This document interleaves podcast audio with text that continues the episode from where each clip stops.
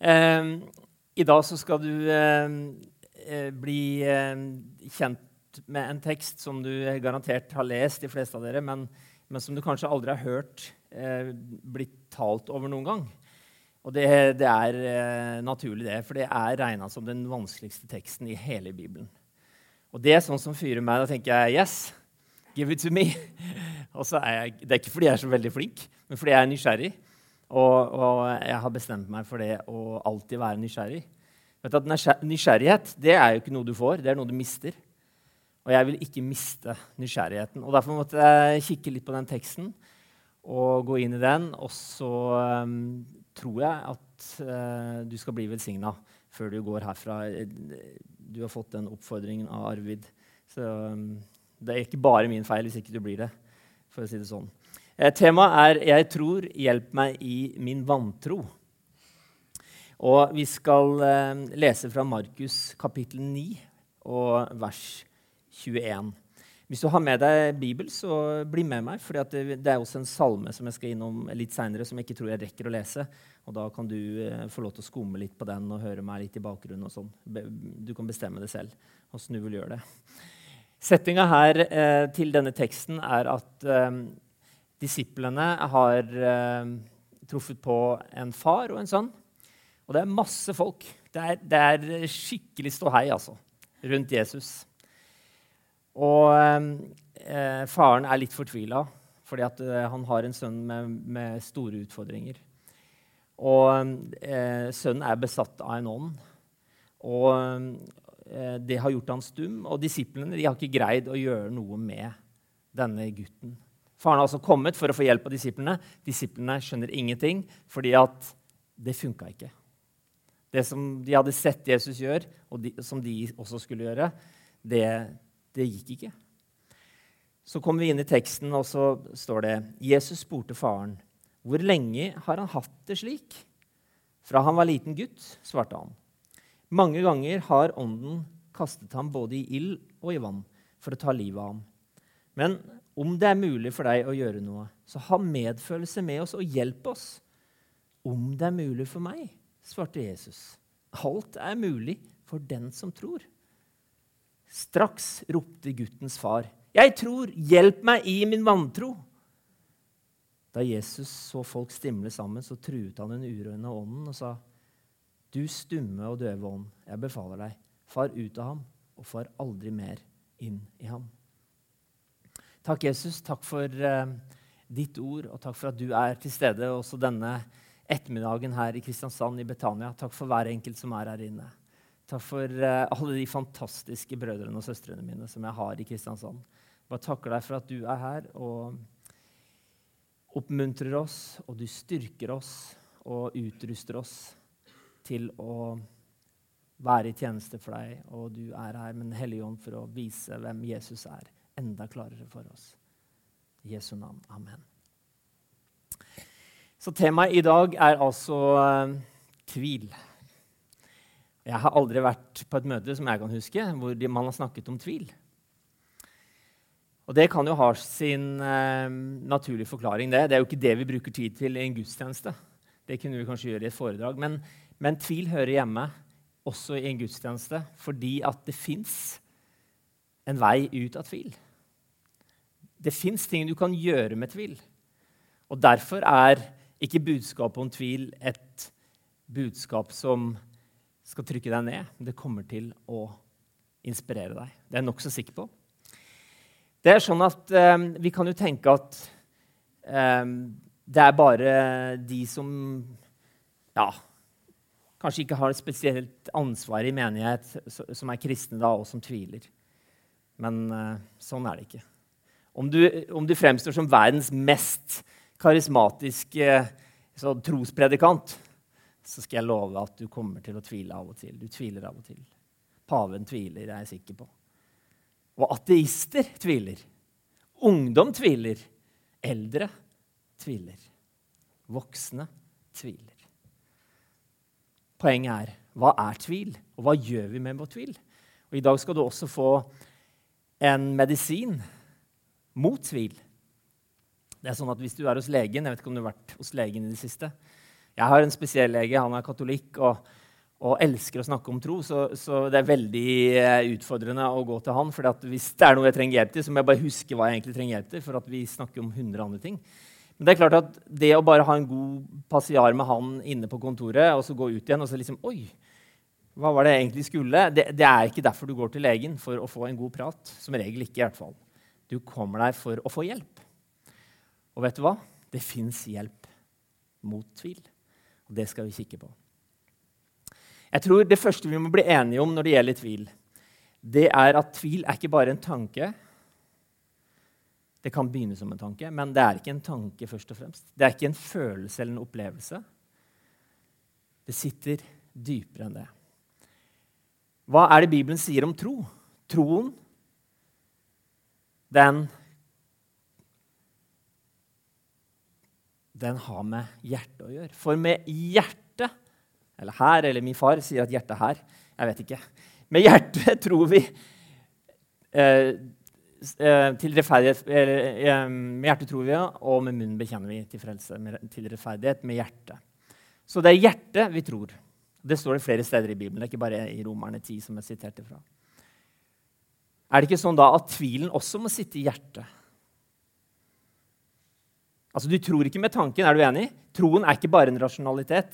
Det er ikke bare en tanke Ja, jeg har på en måte bare forsonet meg med teorien om kristendom. Nei, det er noe mer enn det, og jeg skal gi deg noen, noen eh, påminnelser i forbindelse med hva egentlig troen handler om. Men det å tvile, det skjer med hjertet. Du tviler med hjertet. Du tror med hjertet. Så så tvilen den sitter mye dypere enn bare noe sånn flyktig. Og tvil handler om at du ser noe hjernen din ikke forstår, som gjør at du begynner å vakle. Ok, Du får inntrykk eller en følelse som ikke hjernen greier å prosessere, som gjør at du begynner å vakle, du begynner å så tvil om det som hjernen din, logikken din, som, som, du prøver å prosessere i hodet. Og det du gjør med det da, det vil være avgjørende om den tvilen setter seg i hjertet. Du ser noe annerledes enn det hjernen kan akseptere, og du skyver det fra deg. Hjernen din kan ikke akseptere det helt, det som kommer. Du prøver å skyve det fra deg. Og du vet ikke helt. Det er et åndelig vertigo som ikke hjertet ditt finner ut av. Hvorfor sier Salomo at vi skal bevare vårt hjerte fremfor alt? Ok, Er dere med meg? Dere er våkne? Ok, Så hvis, hvis vi tviler med hjertet, og Salomo sier at vi må bevare hjertet framfor alt, så kan jo det ha en sammenheng. For Salomo han skjønte mye. Og hvis du leser i, i, eh, litteraturen eller det som han har vært med sammen med Den hellige ånd og forfatter, så skjønner du at wow, han, han hadde en åpenbaring og en visdom som var helt spesiell. Men Salomo sier, 'Bevar ditt hjerte framfor alt du bevarer', for livet går ut fra det. Det er ingen som greier helt å definere hjertet. Jeg har lest ganske mye om det. Kanskje du greier det. Kanskje jeg kan snakke med deg etterpå. Det er ingen som greier helt å, å få tak i hva er hjertet for noe i Bibelen. Hjertet er aldri i Bibelen blodpumpa. Aldri. Ok?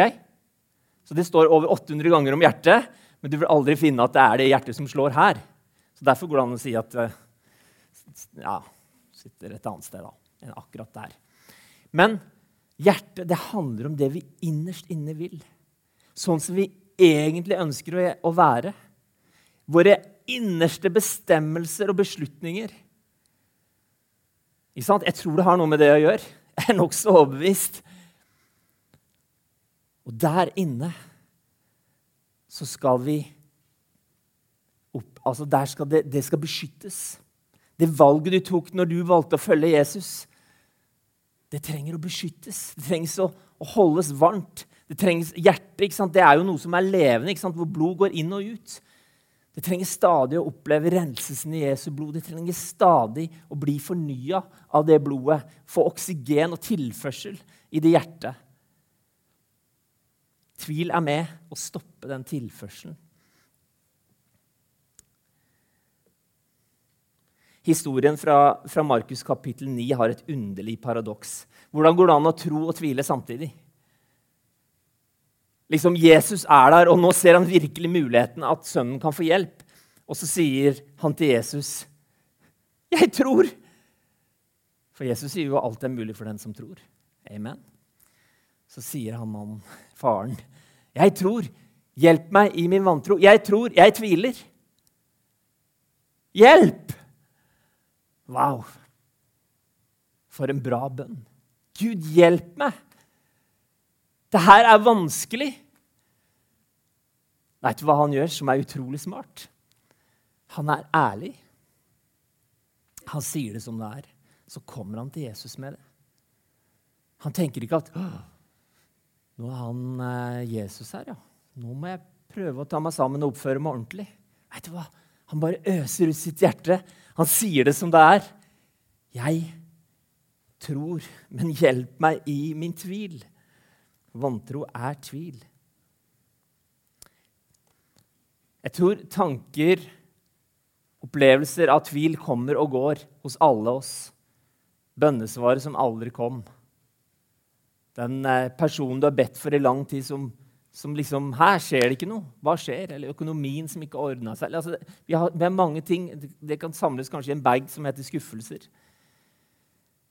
Men vet du hva? Det fins botemiddel også for de, de tinga der. For det beste stedet å legge av din tvil, det er hos Jesus. Og ikke dyrke tvilen. Hvis du tenker på den personen i Bibelen som eh, Eller hvis du skal tenke på tvil da, og, og knytte det til en person i Bibelen, hvem tenker du på? For meg er det bare sånn Det, det, tar, det tar, ikke et sekund engang. Det tar liksom en tiendedel, så er det et navn som dukker opp. Er det sånn hos deg? Du tenkte på Thomas. Takk. Takk, Sveinung. Thomas han kommer vel med den bekjennelsen i Bibelen som er kanskje en av de sterkeste du kan lese. Men vi forbinder han ikke med det. Vi forbinder han med tvil.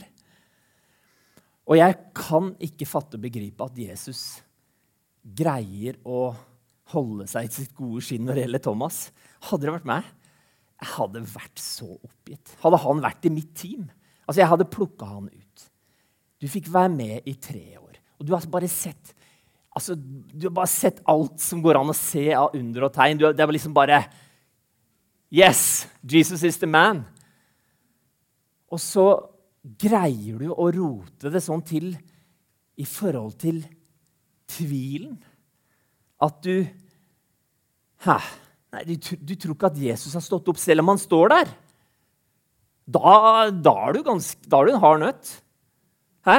Og, og kompisene dine, disiplene, har sagt Thomas, kom og se! Jesus har stått. La oss lese det teksten. I Johannes kapittel 20, vers 21. Thomas, en av de tolv, han som ble kalt Tvillingen, var ikke sammen med de andre disiplene da Jesus kom. Så sier disiplene da, 'Vi har sett Herren', sa de til ham.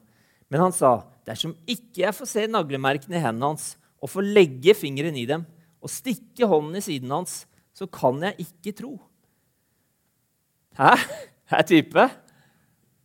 Han liksom satt premissene for, hvor, for hvor, hva som skal til for at, jeg, for at han skal tro. At han skal gidde å tro. Åtte dager senere så var disiplene igjen samlet, og Thomas var sammen med dem. Da kom Jesus mens dørene var lukket. Han sto midt iblant dem og sa, 'Fred være med dere'. Og Så begynner han å fortelle om hva han har opplevd de siste dagene. Nei, vet du hva? Han bare adresserer den tvilen. Og bare setter den på plass med en knyttneve, spør du meg. Han sier til Thomas, 'Kom med fingeren din.' Se, her er hendene mine. Kom med hånden din og stikk den i siden min. Og vær ikke vantro, men troende. Og så kommer Thomas sin bekjennelse. Min Herre og min Gud', sa Thomas. Jesus sier til ham, 'Fordi du har sett meg, tror du.' Salige er de som ikke ser, men likevel tror. Min Herre og min Gud. Han hadde forstått at Jesus han er ikke bare en flott person, han er ikke bare en som kunne gjøre masse overnaturlige ting. Men Jesus er faktisk Herre. Han er den salvede. Han er Messias. Og han er ikke bare en herre, hvilken som helst herre. Han er Gud. Han er den salvede som det er profetert om. En heftig åpenbaring og en voldsom bekjennelse. Og hvordan adresserer Jesus tvilen? Det er viktig å forstå. For vi, vi, vi har kanskje tvil som et tabubelagt tema. Det tror jeg kanskje det har vært i, i min sammenheng. Men hvordan adresserer Jesus tvilen? Tok han bare og, og fordømte han? Nei, han viste en annen vei. Han viste en vei ut av tvilen. For det fins alltid en vei ut av tvilen, folkens. Jesus adresserer den og behandler den. Og så sier han, 'Kom. Kom til meg med tvilen. Kom til fellesskapet. Så vil du få svar.' Det står masse i Bibelen om tvil. Ikke all tvil er god tvil. Den skal ikke dyrkes. Men jeg skal love deg spesielt, Vi har noen unge, unge voksne her. I hvert fall. Har, jo, en ungdom òg. Herlig å se dere. Um, men jeg tenker på i den tida som, som, vi har opplevd nå, hvor videregående skole og overgang til, til høyskole eller til arbeidsliv da, for de som har fått fagbrev, den har ført til at ca. 70% har mista troa i, i, Norge. Av folk som er oppvokst, altså ungdom som har vokst opp i et kristent hjem, gått i menighet. De forlater troa. De har gjort det. Derfor er det ikke like mange ungdom her nå som det er voksne. Det er en av grunnene. Det, det var kanskje et veldig konkret eksempel, men, men vi har mista veldig mange. Og vet du hva? Jeg brenner enormt for at det skal stoppe med oss. Det skal stoppe nå, fordi vi skal ikke være redd for å snakke om de utfordringene de har. Og de utfordringene, utfordringene de kommer når kompiser eller miljøer de er i, begynner å stille spørsmål til det de lærte på søndagsskolen. Når de, når de historiene der blir sådd tvil om, og de tenker at Hæ, ja, men Ja, det, var, det er jo ah, Det kan jo være Det kan være at ikke det var sant at Jesus gjorde, gjorde de her brød og fiskene om til mat for så mange, eller gikk han på vannet? Eller kunne han virkelig stå opp fra de døde? Eller kunne han Altså, Det begynner å riste, det begynner å rokkes ved hjertet. Ikke bare en, en, tanke som flyr. Nei, det er det som skjer i hjertet, det begynner å rokkes ved. Francis Bacon, filosofen, du har kanskje hørt om han, han sier det at hvis du begynner med selvfølgeligheter, vil du ende opp med tvil. Hvis du tar altfor god fisk og ikke bearbeider det, stiller spørsmål underveis, så vil det ende opp med tvil. Hvis du bare er her, tar imot og ikke tenker noe mer over det, ikke grubler og går inn i det og tenker 'Hva betyr dette for meg?' eller hvordan, hvordan kan jeg greie å prosessere det som jeg hører? Er det bare underholdning, eller, eller er det noe som kan, kan være med og bety noe for meg i hverdagen? Så vil tvilen komme hvis ikke du begynner å stille noen spørsmål underveis. Vet du hva? Jesus stilte over 300 spørsmål. Det er ikke så mange eh, sider hvor vi leser om Jesus eh, og hans direkte tale. Over 300 spørsmål! Still spørsmål. Det er jo ikke farlig, det. Spørsmål er vi ikke redd for. Jesus stilte masse spørsmål. Hvorfor gjorde han det? For å få svar, for å få folk til å tenke. For at du skulle tenke sjøl, for at ikke tvilen skulle komme i det øyeblikket du tar altfor god fisk og alltid bare liksom levd med strømmen, og plutselig så får du motstand. Bang, sier det! Så er du ikke her mer, for da tenker du at alt det her var tull. Og Jeg har en, en kompis som jeg heldigvis har litt kontakt med, en spillekompis. Han fortalte det at han gikk i en menighet i den byen jeg kommer fra eller har bodd i over 40 år. Og der hadde han gått i hele sitt liv. Midt i talen som kompisen hans holder, så reiser han seg og går ut. Så sier han til meg, når jeg møter han på, på puben, faktisk. Vi har, vi har, hatt eh, kirka på pub. Det er jo noe greier. Eh, men, men eh, der møter man eh, folk og får gode samtaler. Så sier han til meg, 'Vet du hva? Det, det der jeg trodde på, det var bare tull.' Tror du det bare kom som en tanke den søndagen der? At liksom et, altså, Her snakker vi om en som er 50 år, og som har vært kristen hele livet. Og Så reiser han også og sier alt det greiene som jeg har trodd på før, det er bare tull. Vet du hva? Det har bare gått inn i hjertet hans og forsura hele hjertet og skapt tvil som gjorde at bare OK, nå må jeg bare ut herfra. Men så har han hørt meg tale en gang, og så sier han 'Fantastisk bra tale'. Du tuller nå, sier jeg til han. Nei, det var utrolig bra. Ja, men jeg snakker om Jesus som døde for oss, og den største kjærlighetserklæring som fins, er å gå hele veien for en, for en du, du, er glad i, liksom. Ja, ja, ja. Å, det er et fantastisk budskap. Jeg skjønner ingenting. Men han, han tviler ennå og kaller seg ateist. Nok om det. Det fins en kur for, eh, for, eh, for, tvil, og jeg skal gi deg en kur nå. Jeg skal avslutte med de fire poengene. Jeg håper du holder deg våken. Det er litt tung luft her. Noen har hatt en lang tur i dag og er litt slitne. Det er godt å sitte. Og vi har ikke stått på lenge, men vi lar, eh, lar dere sitte allikevel. Salme 33, 73, salme 7,3 er det som jeg tar utgangspunkt i. Jeg rekker ikke å lese den, det er en god del vers. Jeg skal prøve å gi en heads up. Og De fire punktene de er, de er, inspirert av en som heter Tim Keller, en eh, pastor i New York, som har eh, snakket eh, bra om tvil. Så han har inspirert meg. Men han forteller om denne salmen at den kan være til inspirasjon i forhold til tanker som kommer rundt tvil. Den er skrevet av en som heter Asaf, salme 73. Og Asaf han observerer hva som skjer i nærmiljøet sitt. Han ser hva som skjer med vennene sine. Og de, de, kan ta de punktene litt etterpå, hvis det er greit. Og så, og så, og så sier han i salmen så sier han, Jeg trodde velsignelsene var forbeholdt de som var en del av Israel. Del som, blant de som var Guds utvalgte. Han trodde velsignelsene det hjalp bare dem. Og så ser han jo at kompisene de lever et langt liv.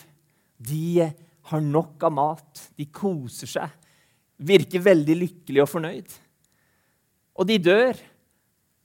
Og han sjøl føler seg ille til mote. Han sier at han kan våkne, opp om morgenen så føler han at, liksom at å, livet er ugreit. Han føler at, at livet det byr på masse utfordringer.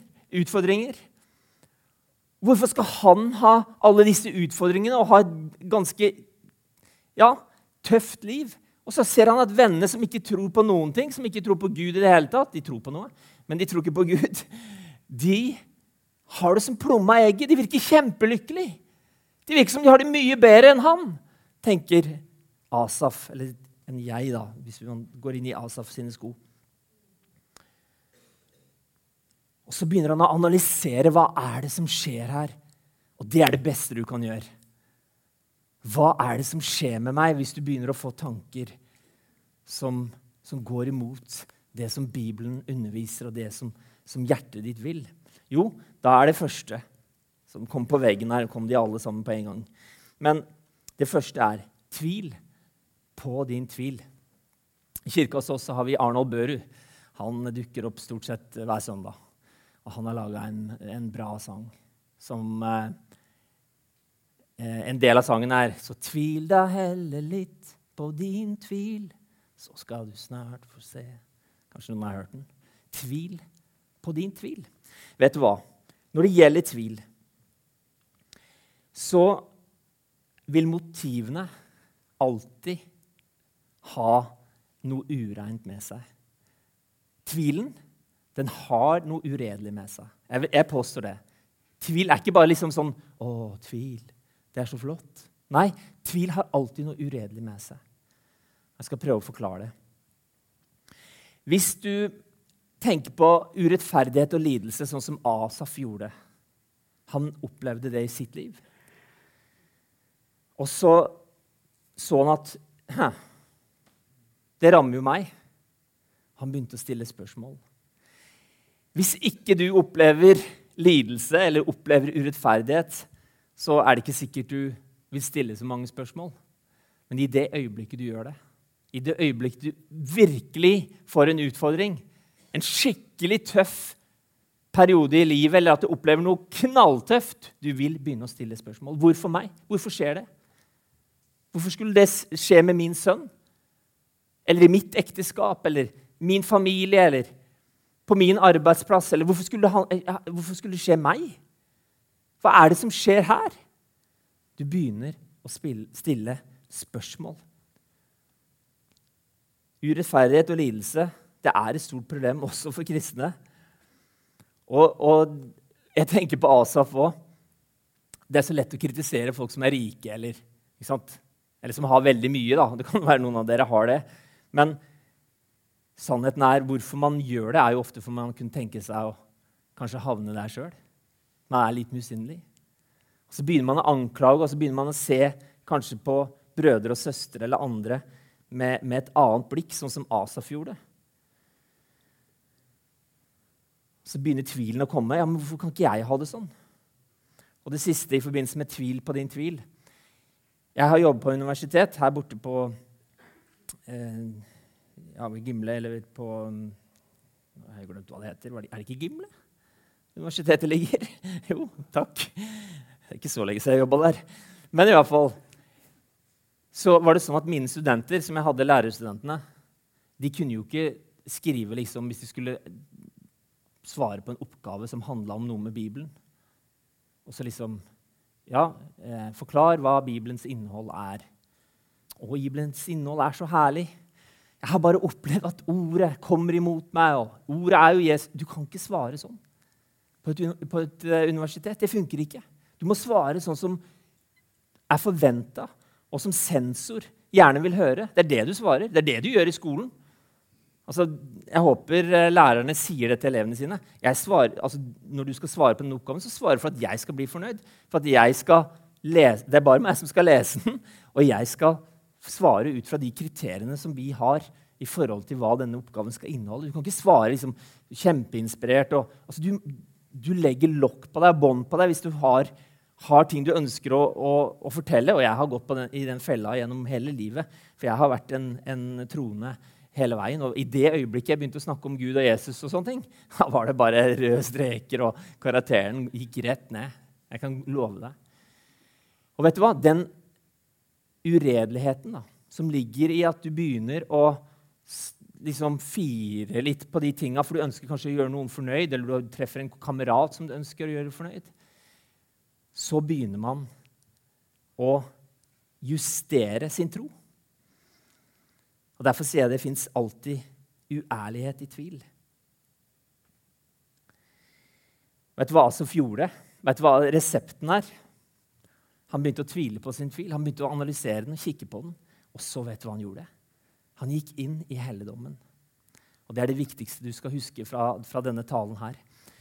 Å gå inn i helligdommen, vet du hva som skjer der?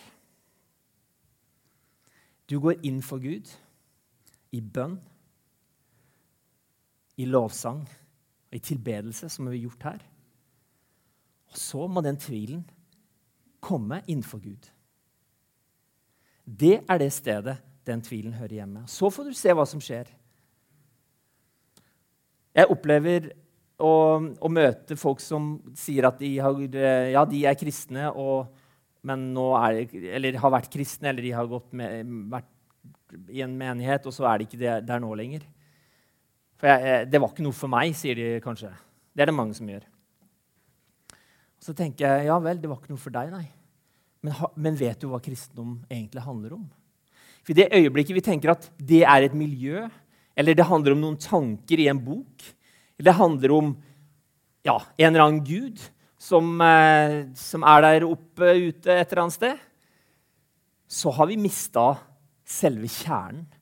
For kjernen i krist, den kristne tro den er helt fantastisk.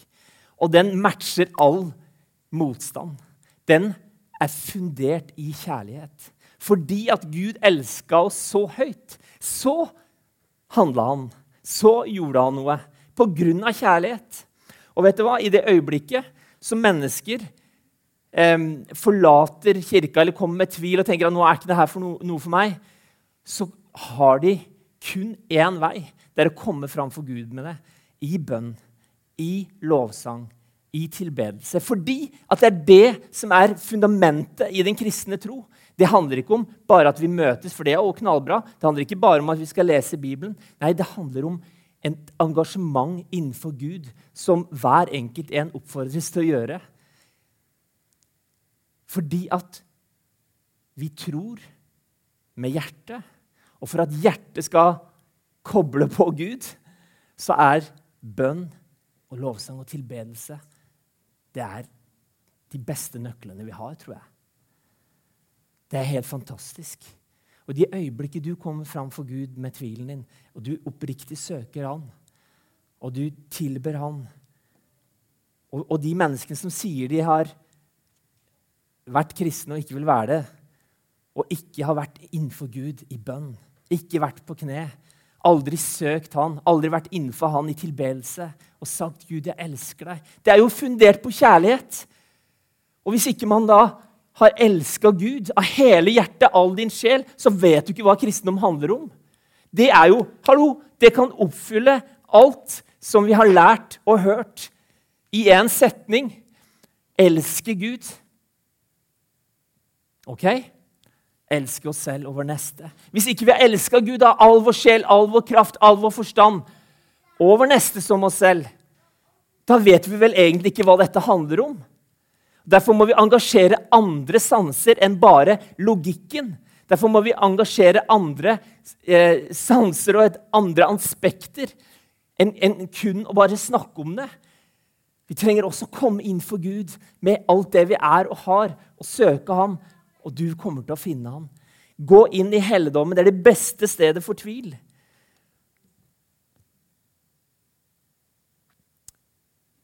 Nest siste punkt. Jeg skal jeg lande hvert øyeblikk. Er det for lenge nå, Arvid? Sammenlign ditt ståsted. Sammenlign ditt ståsted. Asaf gikk innenfor Gud. Han gikk inn i helligdommen. Så fikk han se hva som sto på spill. Der så han at alle de som var ugudelige, som ikke trodde på Gud, de skulle gå fortapt. Vet du hva? Johannes 3, 16 er fantastisk, men det står også at de som tror, de er Guds barn. Altså, for så heter Gud elsket verden at han ga sin sønn den eneste for at hver den som tror på han ikke skal gå fortapt. Den som tror, går ikke fortapt. Den som ikke tror, går fortapt. Asaf så at de som ikke trodde, de går jo fortapt. Wow! Hvilket ståsted er det? Og hvilken risiko man tar. Og vet du hva? Mange som, som tviler, og som ikke eh, vil være i kirke og vil identifisere seg med kristen tro, vet du hva? de tar en vanvittig risiko. De tar en risiko så til de grader i forhold til sitt ståsted. Hva er deres virkelighetsoppfatning av de som ikke tror? Alle tror på noe. Ok, Så hvor kommer vi fra, da? Ok, ja, Vi kommer fra dyrene. Ja, ja, men hvem er vi da i universet? Ja, vi, vi er en videreutvikling. Vi er en høyere nivå. Det har gått mange år. Ja, greit det, men hvorfor er det sånn hvis det er det naturlige utvalg som funker? Hvorfor er det sånn at ikke jeg kan bare slå til en annen og så slippe unna med det? Nei, men det har, vi har videreutviklet en etikk. Ja, men hvor kommer godt og ondt fra? Hvis det er noe som er godt, så må det være noe som er ondt. Ja, nei, men Det går ikke an å svare på. Du tar en kjemperisiko hvis du slutter å tro på Gud. Hvordan skal du greie å forklare det? Folk prøver intenst å forklare det. Vet du hva?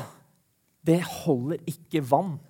Åssen skal du greie å forklare universets opprinnelse med altså Du må ha mye større tro enn meg for å tro på at bare pang, og så var alt tilfeldig, og så blei det greit. Hallo!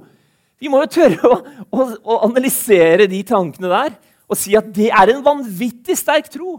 Og hvilken sjanse man tar. Både i forhold til sin livsanskuelse, men også i forhold til det som skal skje etterpå. Asaf sier at den som ikke tror, står på som en glatt stein. Vet ikke om du har stått på en glatt stein i sommer ved vannet. Jeg har gjort det. Det har nesten gått galt. Jeg har greid meg. Men hvis jeg står lenge nok på en glatt stein, eller er på glatte steiner, jeg kommer til å falle. Jeg kommer til å slå meg. Det kommer til å bli vondt. Den som ikke tror Altså når tvilen kommer, samling ditt ståsted. Vi kan ikke bevise Gud, men du kan heller ikke motbevise Gud. Det går ikke.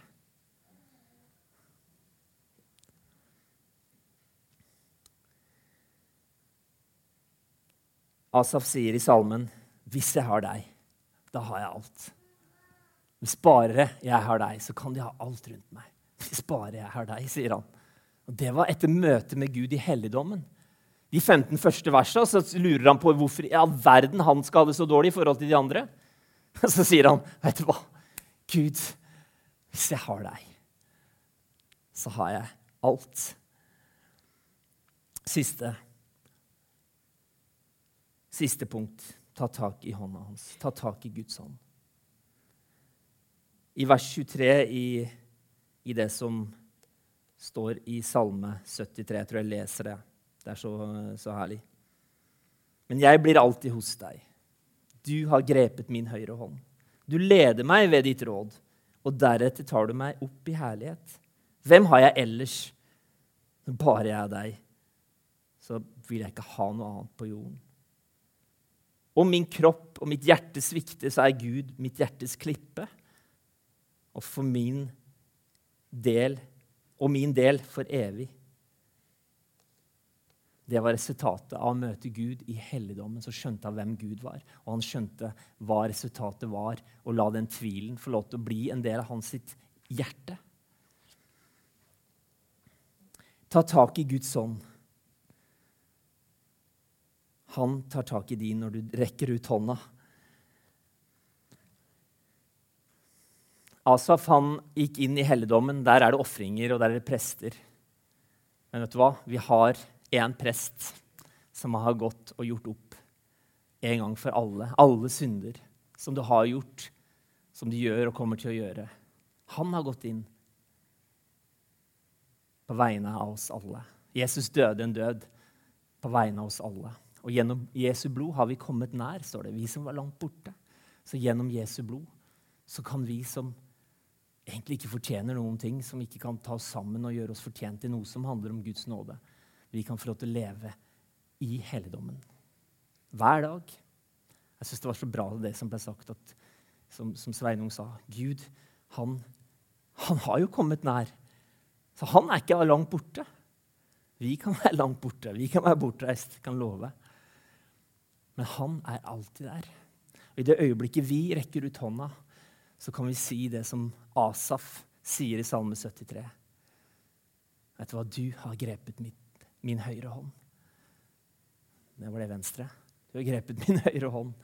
Du har tatt tak i den, slik at jeg ikke skal vakle, slik at jeg ikke skal være redd for noen ting, slik at jeg kan gå trygt sammen med deg. Det er svaret på tvilen som, som Asaf hadde. Og Vi vet også at Gud han, han slapp Jesus fra seg. Han slapp tak i Jesus og skjøv han fra seg. Og Det mørket som, som Jesus var i på korset, det, det har han prøvd, slik at han kan hjelpe deg og meg når vi opplever at mørket kommer imot oss, når tviler og tanker kommer. Tvilen kommer så vet vi hva vi skal gjøre med den tvilen. Vi skal tvile litt på den. Vi skal analysere den, se på den. Så skal vi gå inn i helligdommen og se hva som står på spill i forhold til den, den tvilen. Og så skal vi ta tak i Guds hånd, så skal han få lov til å føre oss opp og videre og fram. skal vi be. Takk, Gud. Takk for ditt ord. Og takk for at uh, vi ikke trenger å være redd eller trenger å holde spørsmål for oss sjøl, men at vi kan være åpne og ærlige innenfor deg. Jesus, takk for at du, du er her, og du hjelper de som kjenner at tvilen har gnagd og presset på hjertet. Jeg bare takker deg for at du med ditt nærvær kommer og fornyer og gir håp og skaper tro i hjertet. Det er bare du som kan gi tro. Gud, bare fyll oss med forventning og tro til deg, at du er mektig. At ditt navn er over alle andre navn. At ditt ord er større enn alt som finnes. Takk for at du har gjort ditt navn og ditt ord større enn alle ting. Jeg takker deg for hver enkelt av mine venner her inne. Jesus, takk for at du fyller hvert behov, Jesus. Du er mektig. Takk for at du svarer på bønner. Takk for at du helbreder i dag. Takk for at du er mektig, Herre, til å fylle all vår trang i herlighet. Og Jesus, bare kom med ditt nærvær over oss, Herre. Fyll oss på nye, Herre, med Den hellige ånd. Møt oss i den situasjonen vi er i. Om vi er fulle av tro, eller om vi har tvilen med oss, så bare kommer vi til deg inn i din helligdom framfor ditt ansikt. Takk for at du elsker oss uansett, Herre. Og Vi vet åssen du behandler tvil. Vi vet hva som skjedde med Thomas. Du bare tok han inntil deg, og så sa du bare 'Kom, kom, Thomas. Bare kom med det. Kom, så skal jeg vise deg.' Takk for at ditt ord, det holder vann. Ditt ord, det står fast til evig tid. Ditt ord er fantastisk. Ditt ord er deg, Jesus. Det er levende og virkekraftig. Skarpere enn noe tveegget sverd. Jeg takker deg for at du åpenbarer deg for hver enkelt en her inne. Gjør ditt verk i Jesu navn. Amen.